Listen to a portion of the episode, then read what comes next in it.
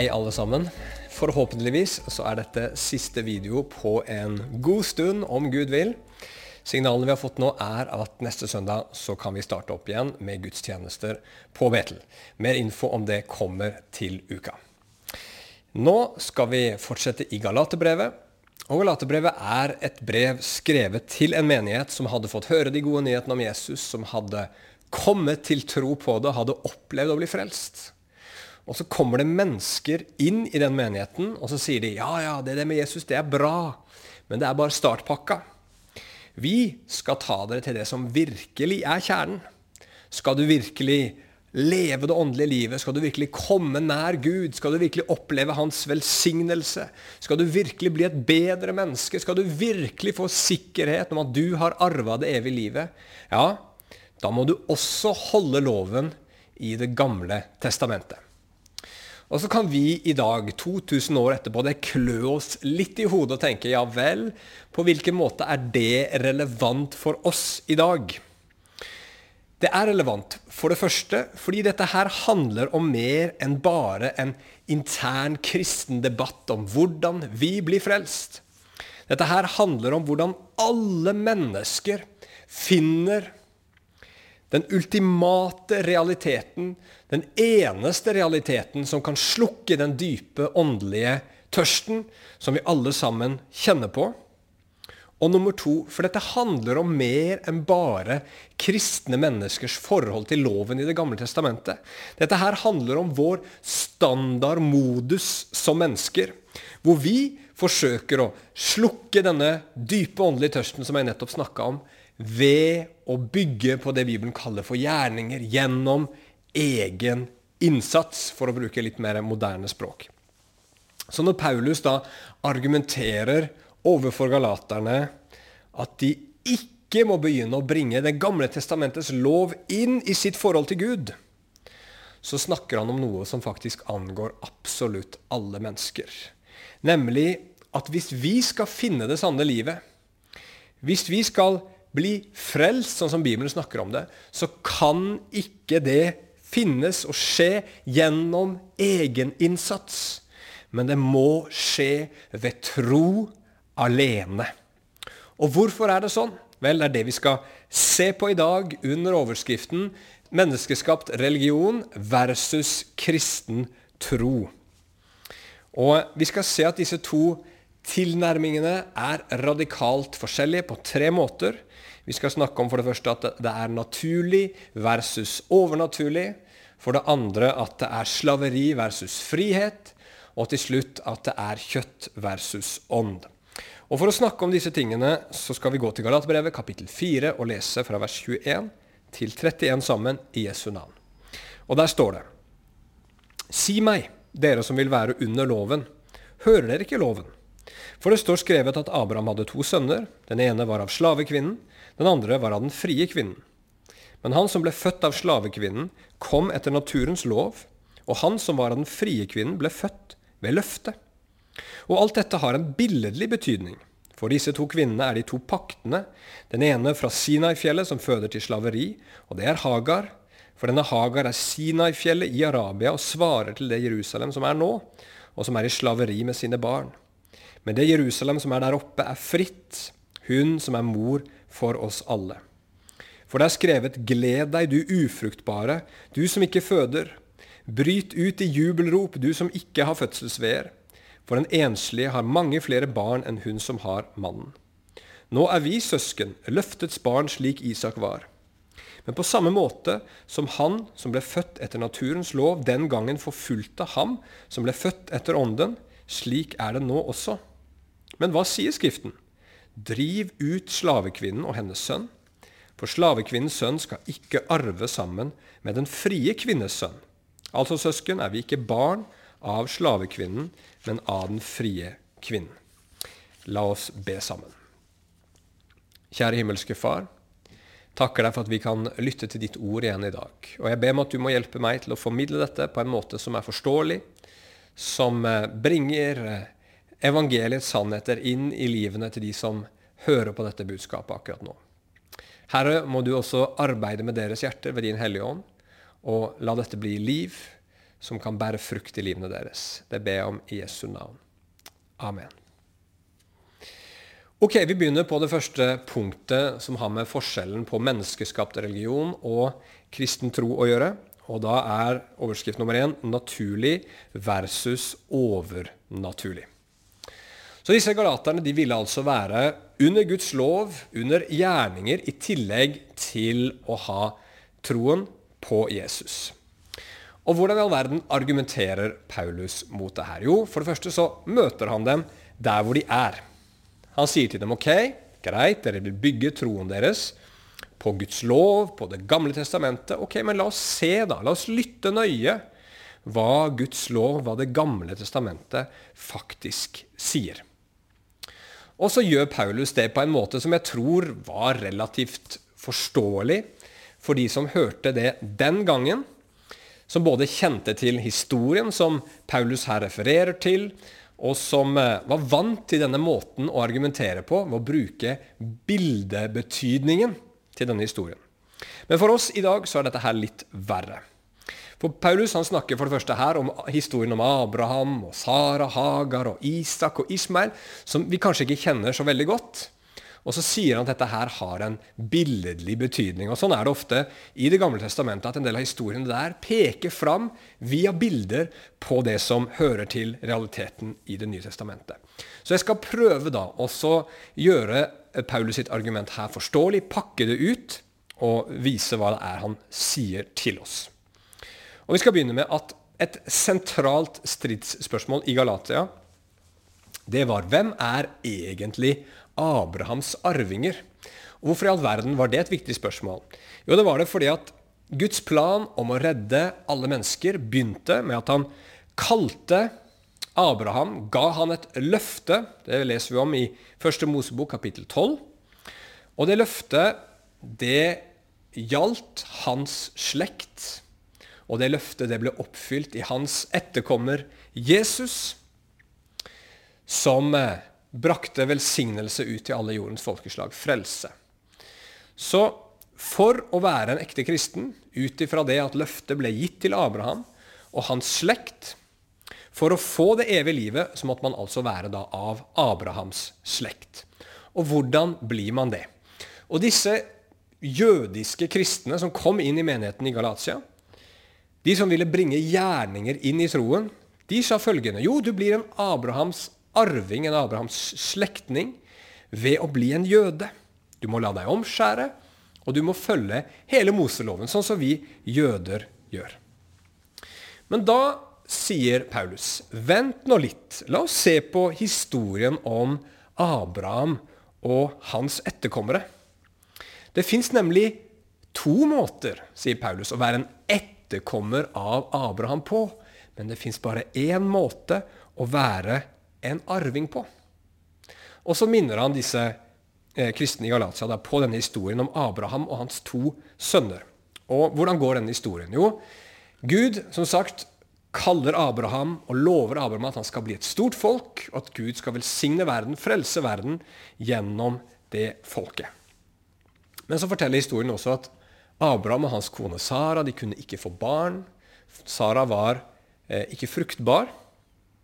Så tenker sikkert Abraham til å begynne med at Gud fikser nok det på en eller annen måte. Men årene går, og Sara forblir barnløs, og hun er nå så gammel at hun ikke kan få barn på naturlig måte. Og hvordan kan da Guds løfte bli oppfylt? Da får Abraham og Sara en idé. Abraham skal ta seg en ekstra kone, slavekvinnen Hagar, og så kan hun føde en arving for eh, Abraham. Og Dette her var ikke i det hele tatt det Gud hadde sagt, men det var ganske vanlig praksis på denne tiden når noen var barnløse. Og som sagt, så gjort. En sønn blir unnfanget, en sønn blir født på naturlig vis av en fruktbar kvinne. Ismael kaller de han. Men så viser historien at denne Ismael ikke var den Gud hadde tenkt til å gi Abraham og Sara. Det var ikke han som var Abrahams sanne arving. Han var etterkommer, men ikke arving. Han var ikke del av Guds plan. Det var ikke gjennom han at Guds løfte skulle oppfylles. Så hvor skulle da denne arvingen nå komme fra? Jo, Gud gjør det han hadde lovet. En del år senere blir den ufruktbare Sara gravid. Og så får Abraham sønnen Isak. Og det er han, Isak, som blir født på overnaturlig måte, som er arvingen. Og gjennom hans slekt så skal Guds løfte oppfylles. Og så sier Paulus, hva forteller dette oss? Hva slags mening gir disse bildene til oss?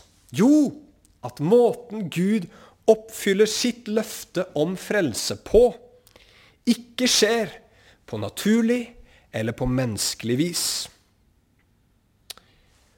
Å ville frelse seg selv gjennom sine egne gjerninger, det å forsøke å finne livet gjennom egen innsats, det er det samme som Abraham gjør med Hagar.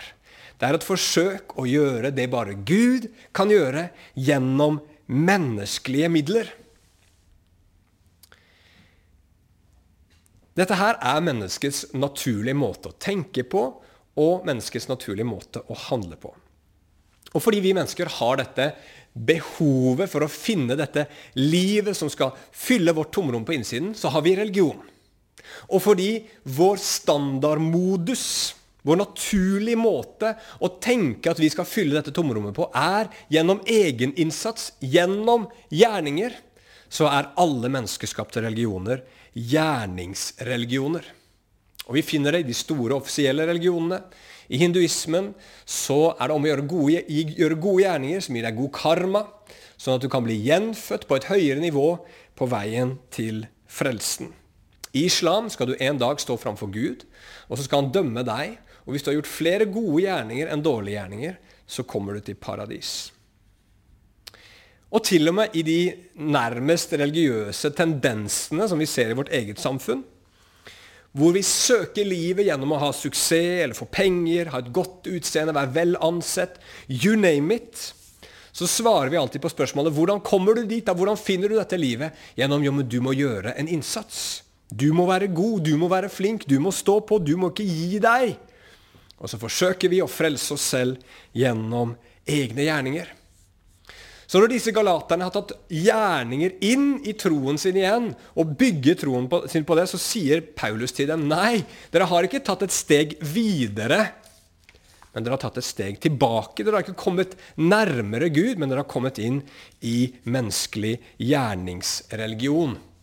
For evangeliet er nemlig helt annerledes. Det opererer ikke på den naturlige måten, men på en overnaturlig måte.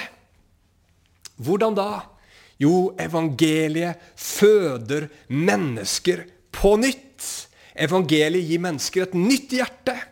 Å være en kristen er ikke å bli religiøs, men sier Bibelen, å bli en ny skapning. 2. Korinterbrev 5,17. Kristne er mennesker som det har skjedd noe helt unikt med. De har blitt noe nytt. De har blitt borgere av et nytt, et nytt land, av det nye Jerusalem, som Paulus snakker om her. De tilhører ikke lenger denne verden, men den som kommer. Og Hvordan kan det skje med et menneske? Hvordan kan et menneske bli født på nytt? Jo, sier Paulus, på samme måte som Abraham fikk sin sønn. Og Det kan vi lese om i Romerbrevet, kapittel 4, vers 19-25. og Der står det om Abraham. Han ble ikke svak i troen og var ikke opptatt av sin egen kropp, som allerede var utlevd, siden han snart var 100 år. Heller ikke var han opptatt av Saras døde mors liv. Han tvilte ikke i vantro på Guds løfte, men han ble styrket i troen idet han ga Gud ære. Og han var helt overbevist om at det han hadde lovt, altså Gud hadde lovt, det var han også i stand til å gjøre og Derfor ble det regnet ham til rettferdighet. Nå ble det ikke skrevet bare for hans skyld at den ble tilregnet ham, men også for vår skyld, vi som blir tilregnet, og som tror på ham som reiste vår Herre Jesus opp fra de døde, han som ble gitt for våre overtredelser, og som ble oppreist til vår rettferdiggjørelse. Hva står det her om å bli rettferdig for Gud? og det vil Si å komme i rett relasjon til Gud. Og det igjen er uløselig knytta til det å bli født på nytt. Hva står det her om det? Jo, at det skjer på samme måte som Isak ble født, nemlig ved tro på Gud. Vi blir født på nytt. Du blir rettferdig for Gud. Du finner livet bare ved å tro at Gud allerede har gjort det gjennom Jesus Kristus, som han sendte som et sonoffer for våre synder, for å betale for det gale vi har gjort, for å rense oss fullkomment, sånn at vi kunne komme til Gud i en ny pakt, en relasjon til Gud, hvor Gud har bundet seg til oss for all evighet. Og dette her er fantastisk gode nyheter, for det betyr at da er det håp for alle. Dette er ikke bare for de flinke, dette er ikke bare for de snille, dette er ikke bare for de tålmodige, for de vennlige eller de som naturlig er gode. Er det gjerninger, så er det helt naturlig at noen stiller bedre enn andre. For vi er bedre eller dårligere på forskjellige ting. Men er det av tro, så stiller alle likt. Ja, eller Kanskje er det faktisk sånn at det er den ufruktbare, som det står her i teksten, har grunn til å glede seg, er den som virkelig stiller best. Den som menneskelig sett stiller dårligst, stiller kanskje best. Hvorfor det? Jo, for den som selv ser dette får jeg ikke til. Jeg kan ikke frelse meg selv. Den som kommer til det punktet og sier 'Jeg kan ikke føde dette livet hjertet mitt trenger' det mennesket har størst sjanse for å åpne opp sitt hjerte og si til Gud dette må du gjøre. Og så kan de se, høre og stole på evangeliet. Derfor så sier Jesus salig er de fattige i ånden, de som ikke har det selv. For himmelens rike er deres. Og Jeg hørte nylig vitnesbyrdet til en evangelist som heter David Bennett. Sjekk han opp på YouTube. Veldig interessant type. Han var i mange år en homofil og en aktivist for eh, LHBT-rettigheter og en iherdig motstander også av kristen tro. Men han gikk rundt hele tiden og kjente på dette uendelige tomrommet på innsiden. Og han tenkte at sex og romantisk kjærlighet og Han prøvde diverse religioner også på en eller annen måte skulle fylle dette. Men han ble bare tommere, og han ble bare mer desillusjonert. Så ender han opp en dag på en fest, og han kommer i kontakt med en ung kvinne. og Begynner å snakke litt om dette her. Hun er kristen, forteller hun, denne unge kvinnen. Og så eh, spør hun om han kan be for han, at han skal få oppleve Guds kjærlighet. Og David Bennett han svarer ja, noe motvillig. Men han er på ingen måte forberedt på det som skal skje. For idet denne unge kvinnen ber for David, så fylles han opp med Guds kjærlighet. Noe som han aldri før har opplevd. Og han hører en stemme som, som spør om han vil gjøre Jesus til hans frelser og herre. Og han sier, 'Å nei, den kristne guden'. Han ble litt overraska over det. Så det koster veldig mye for han. Men så åpner han opp hjertet sitt og så sier han, 'OK, det er greit. Du skal få være min frelser og herre'. Og så blir han fullstendig forvandla. Han får dette tomrommet fylt på innsiden. Han får liv, han finner tryggheten, han finner kjærligheten som han har lengta etter så lenge. Og forsøkt å finne fram til gjennom egen innsats, men aldri har funnet. Det får han nå av nåde fra Gud på overnaturlig vis. Og det er evangeliet. Det er ikke alle som opplever det akkurat sånn som David Bennett gjorde det, men Gud kommer til oss alle på en overnaturlig måte og fyller oss med sin kjærlighet. Punkt nummer to slaveri versus frihet. Disse to måtene å nærme seg frelse på, gjerninger eller tro, de gir også radikalt motsatte frukter. Og Paulus han forklarer at de som bygger sin søken etter livet på gjerninger, de blir som Hagar. Og Hagar hun er en slavekvinne, og hun føder en slavesønn. Og da blir det slaveri, sier Paulus. Akkurat som vi ser i vår tid. Bare se på jødene, sier han.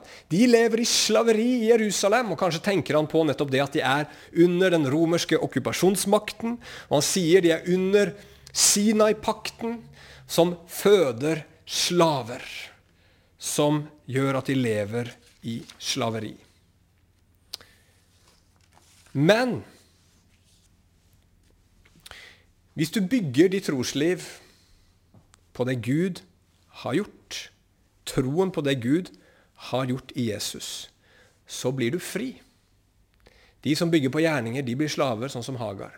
Men de som bygger sitt liv på tro på det Gud har gjort i Kristus, de blir fri, akkurat som den frie kvinnen Sara, som fødte en fri sønn. Og Så kan vi jo spørre hva galt har Hagar gjort? Og Hvis du har lest historien om Hagar og, og, og, og det som skjer med henne, så, så, kan man nok få litt inntrykk noen ganger at hun er kanskje mer et offer eh, enn noe annet. Og jeg tror ikke man kan si at Hagar har gjort noe spesielt galt. Og vi ser til og med i historien i første Mosebok at Gud har omsorg for Hagar og tar seg av henne og gir henne en stor slekt og velsigner henne på mange måter. Så problemet er ikke Hagar som sådan, men bare det at hun står der som en representant for det menneskelige, som ikke er i stand til å frelse seg selv. Og ikke bare at ikke vi mennesker er i stand til å frelse oss selv, men vi fører oss selv inn i slaveri. Det å forsøke å frelse seg selv gjennom gjerninger, det fører til slaveri. På hvilken måte? Jo, det å bygge sitt liv på egne gjerninger, det gjør deg til en slave av frykt. Bare tenk på det.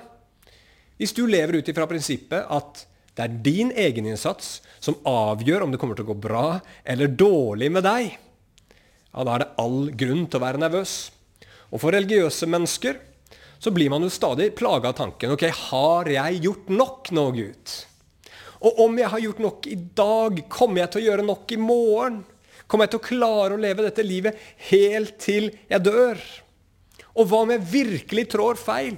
Hvordan kan jeg da være sikker på at jeg har gjort opp for meg, gjort det godt igjen, og få fred? Men det gjelder ikke bare religiøse mennesker. En sekulær nordmann som vil lykkes i livet og bevise at han eller hun er noe, må stadig vekk ha denne tanken i bakhodet. Hva om jeg mislykkes? Hva om jeg ikke får det til? Hva om jeg klarer meg i dag, men ikke i morgen? Hva om drømmene mine blir knust? Hva om det viser seg at jeg ikke holder mål? Hva om jeg ikke er god nok? Det gir mye usikkerhet, og kanskje bak den usikkerheten så finnes det en sikkerhet.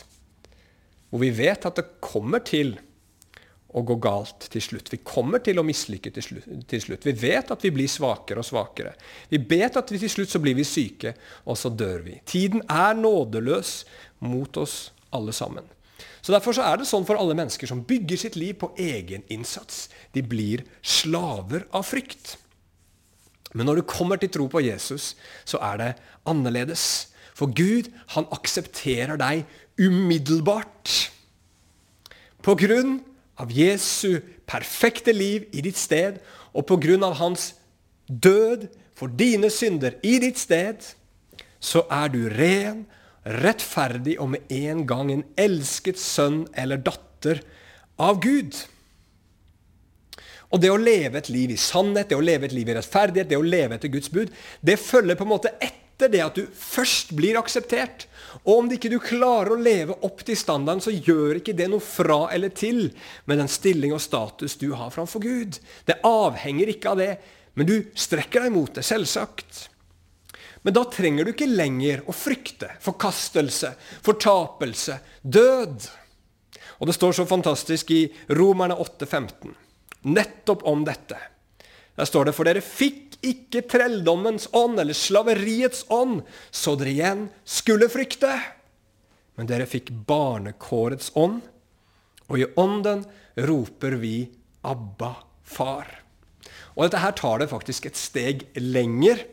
Her handler det ikke lenger om Jesu verk på Golgata, som er det objektive grunnlaget, som, som, som, som er fundamentet som viser at vi er elska og akseptert av Gud. Gud viser sin kjærlighet til oss ved at Kristus døde da vi enda var syndere. Dette handler om Den hellige ånd, som kommer inn i hjertet til enhver troende og gir en personlig erfaring av å være elska og av å være akseptert. Og her er vi inne igjen på det overnaturlige aspektet. Å bli kristen gir ikke bare en sånn teoretisk frihet. Ja, jeg vet at, at, Gud sier at han elsker meg, men det gir en opplevd frihet. Du vet det. Du får en dyp erfaring når du lever med Gud. at du er elska, du er akseptert, du er innenfor. Ikke pga. dine gjerninger, men fordi du stoler på det Gud har gjort i Kristus.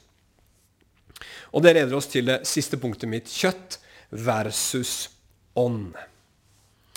Ismael han ble født på naturlig vis, mens Isak ble født på overnaturlig vis. Og Paulus han bruker to ord om dette. Han snakker om at eh, eh Ismael han ble født etter kjøttet, mens Isak han ble født etter ånden.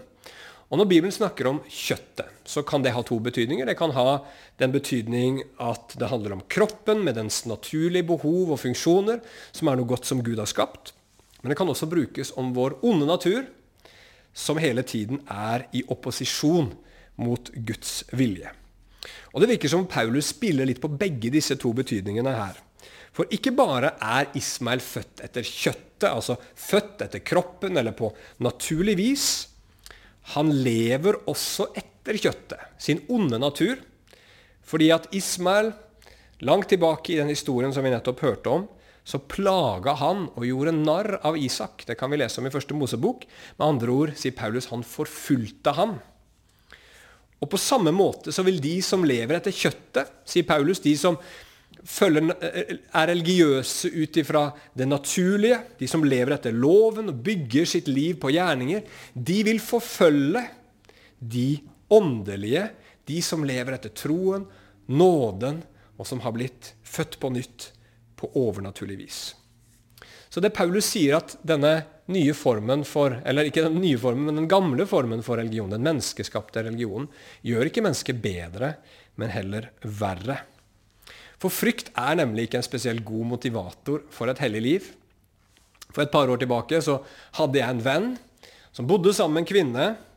Og jeg oppmuntra han til å, til å, gifte seg med henne, og hun ønska det. Men han ville ikke det, for da var han redd at hun skulle ta ham for gitt.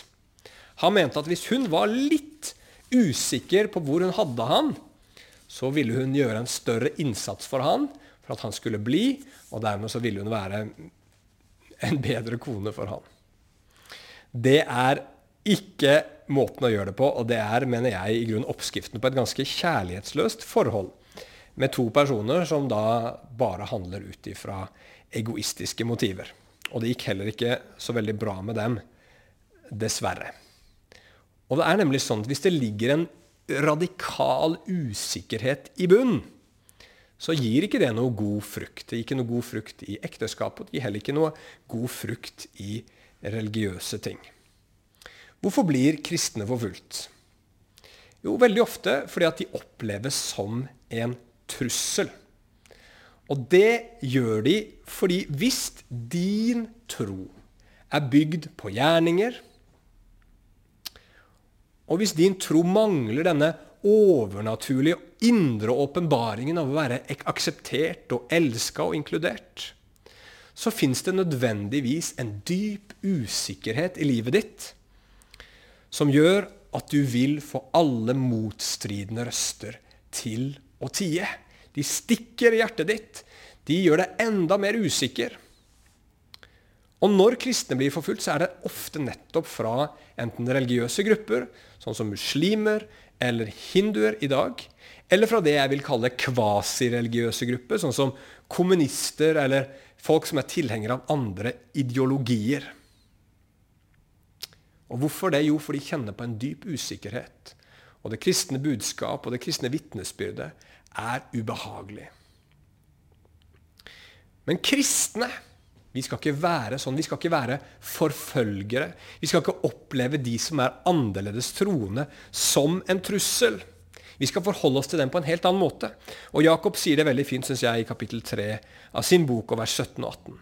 Men den visdommen som er ovenfra, er for det første ren, dernest fredelig, mild, hensynsfull, full av barmhjertighet og gode frukter. Fr frukter, unnskyld, den gjør ikke forskjell, og den er uten hykleri. Rettferdighetens frukt blir sådd i fred av dem som skaper fred. Sanne kristne, de er skal være tålmodige. De skal være tolerante i ordets rette forstand overfor folk som har andre meninger, samtidig som vi skal være tydelige med hva vi tror er rett, og hva som er sant. Og hvorfor er, eller skal kristne være sånn? Forhåpentligvis så er vi med sånn. Jo, fordi at vi kristne, vi skal ha en radikal trygghet på innsiden. Som frelse av nåde gir. Jeg er ok. Og så kommer Den hellige ånd inn, og så levende gjør den det for hjertet. Da får man enda sterkere trygghet. Og da er ikke andres meninger lenger en trussel. Andre menneskers fordømmelse eller anklager er heller ikke en trussel. At andre mennesker lever liv som utfordrer mitt liv, er heller ikke noen trussel. For jeg er trygg. Jeg er trygg i at jeg har funnet sannheten, jeg erfarer den, og jeg er trygg i at jeg er elska. Jeg er trygg i at jeg er inkludert. Det er en dyp og radikal trygghet som Gud ønsker å gi til deg. Og her har vi nok alle sammen noe å strekke oss etter. Og hvordan gjør vi det? Jo, vi må høre på hva Paulus sier her. Vi må gjøre som Abraham fikk beskjed om. Driv ut slavekvinnen og hennes sønn. Hagar og Ismael måtte reise fordi Ismael ikke skulle være arving. Og hva mener Paulus med det? Jo, han mener at du og jeg, vi må drive ut loven, gjerninger og egeninnsats fra vårt forhold til Gud. Det er ikke det vi bygger vår relasjon til ham på. Det har sin plass i det kristne livet, og det skal vi komme tilbake, over, tilbake til de neste ukene. Men det er ikke der, der vår identitet og vår relasjon til Gud er bygd. Den må bygge ene og alene på at du og jeg er elska og akseptert fordi vi tror på Jesus, som døde for våre synder, som ga sitt liv for oss. Og den må være bygd på det at Gud har sendt sin sønns ånd inn i våre hjerter, som roper 'Abba, far'. Så hvem du nå enn er som hører på denne talen her i dag, så må du høre på hva Bibelen sier. Det fins ingen fred. Det fins ingen varig lykke. Det fins ingen absolutt mening. Det fins ingen bekreftelse av din verdi eller identitet. Det fins ikke noe håp i noe som du selv kan produsere eller få til. Om du er religiøs, om du er ikke-religiøs Hvis du forsøker å leve på en måte som du tror skal lede deg gjennom egen innsats til å finne livet, så kommer det ikke til å forandre på noen ting som helst. Du kommer ikke til å bli annerledes. Det kommer ikke til å fylle deg, men du kommer heller til å bli en slave av frykt og dine mørke sider. Men Bibelens budskap er det holder med Jesus. Kom til han og stol på han. Bare han kan føde deg på nytt til et levende håp. Bare han gir en radikal trygghet og dyp kjærlighet. Bare han redder deg fra å gå til grunne på utsiden og på innsiden. Bare han kan fylle livet ditt med mening. Bare han er det evige livet. Amen. La oss be en kort bønn til slutt. Herre, hjelp oss. Du ser at vi er bygd og skudd sammen på den måten at vi forsøker å finne livet Finne freden, finne lykken. Finne tryggheten gjennom egen innsats.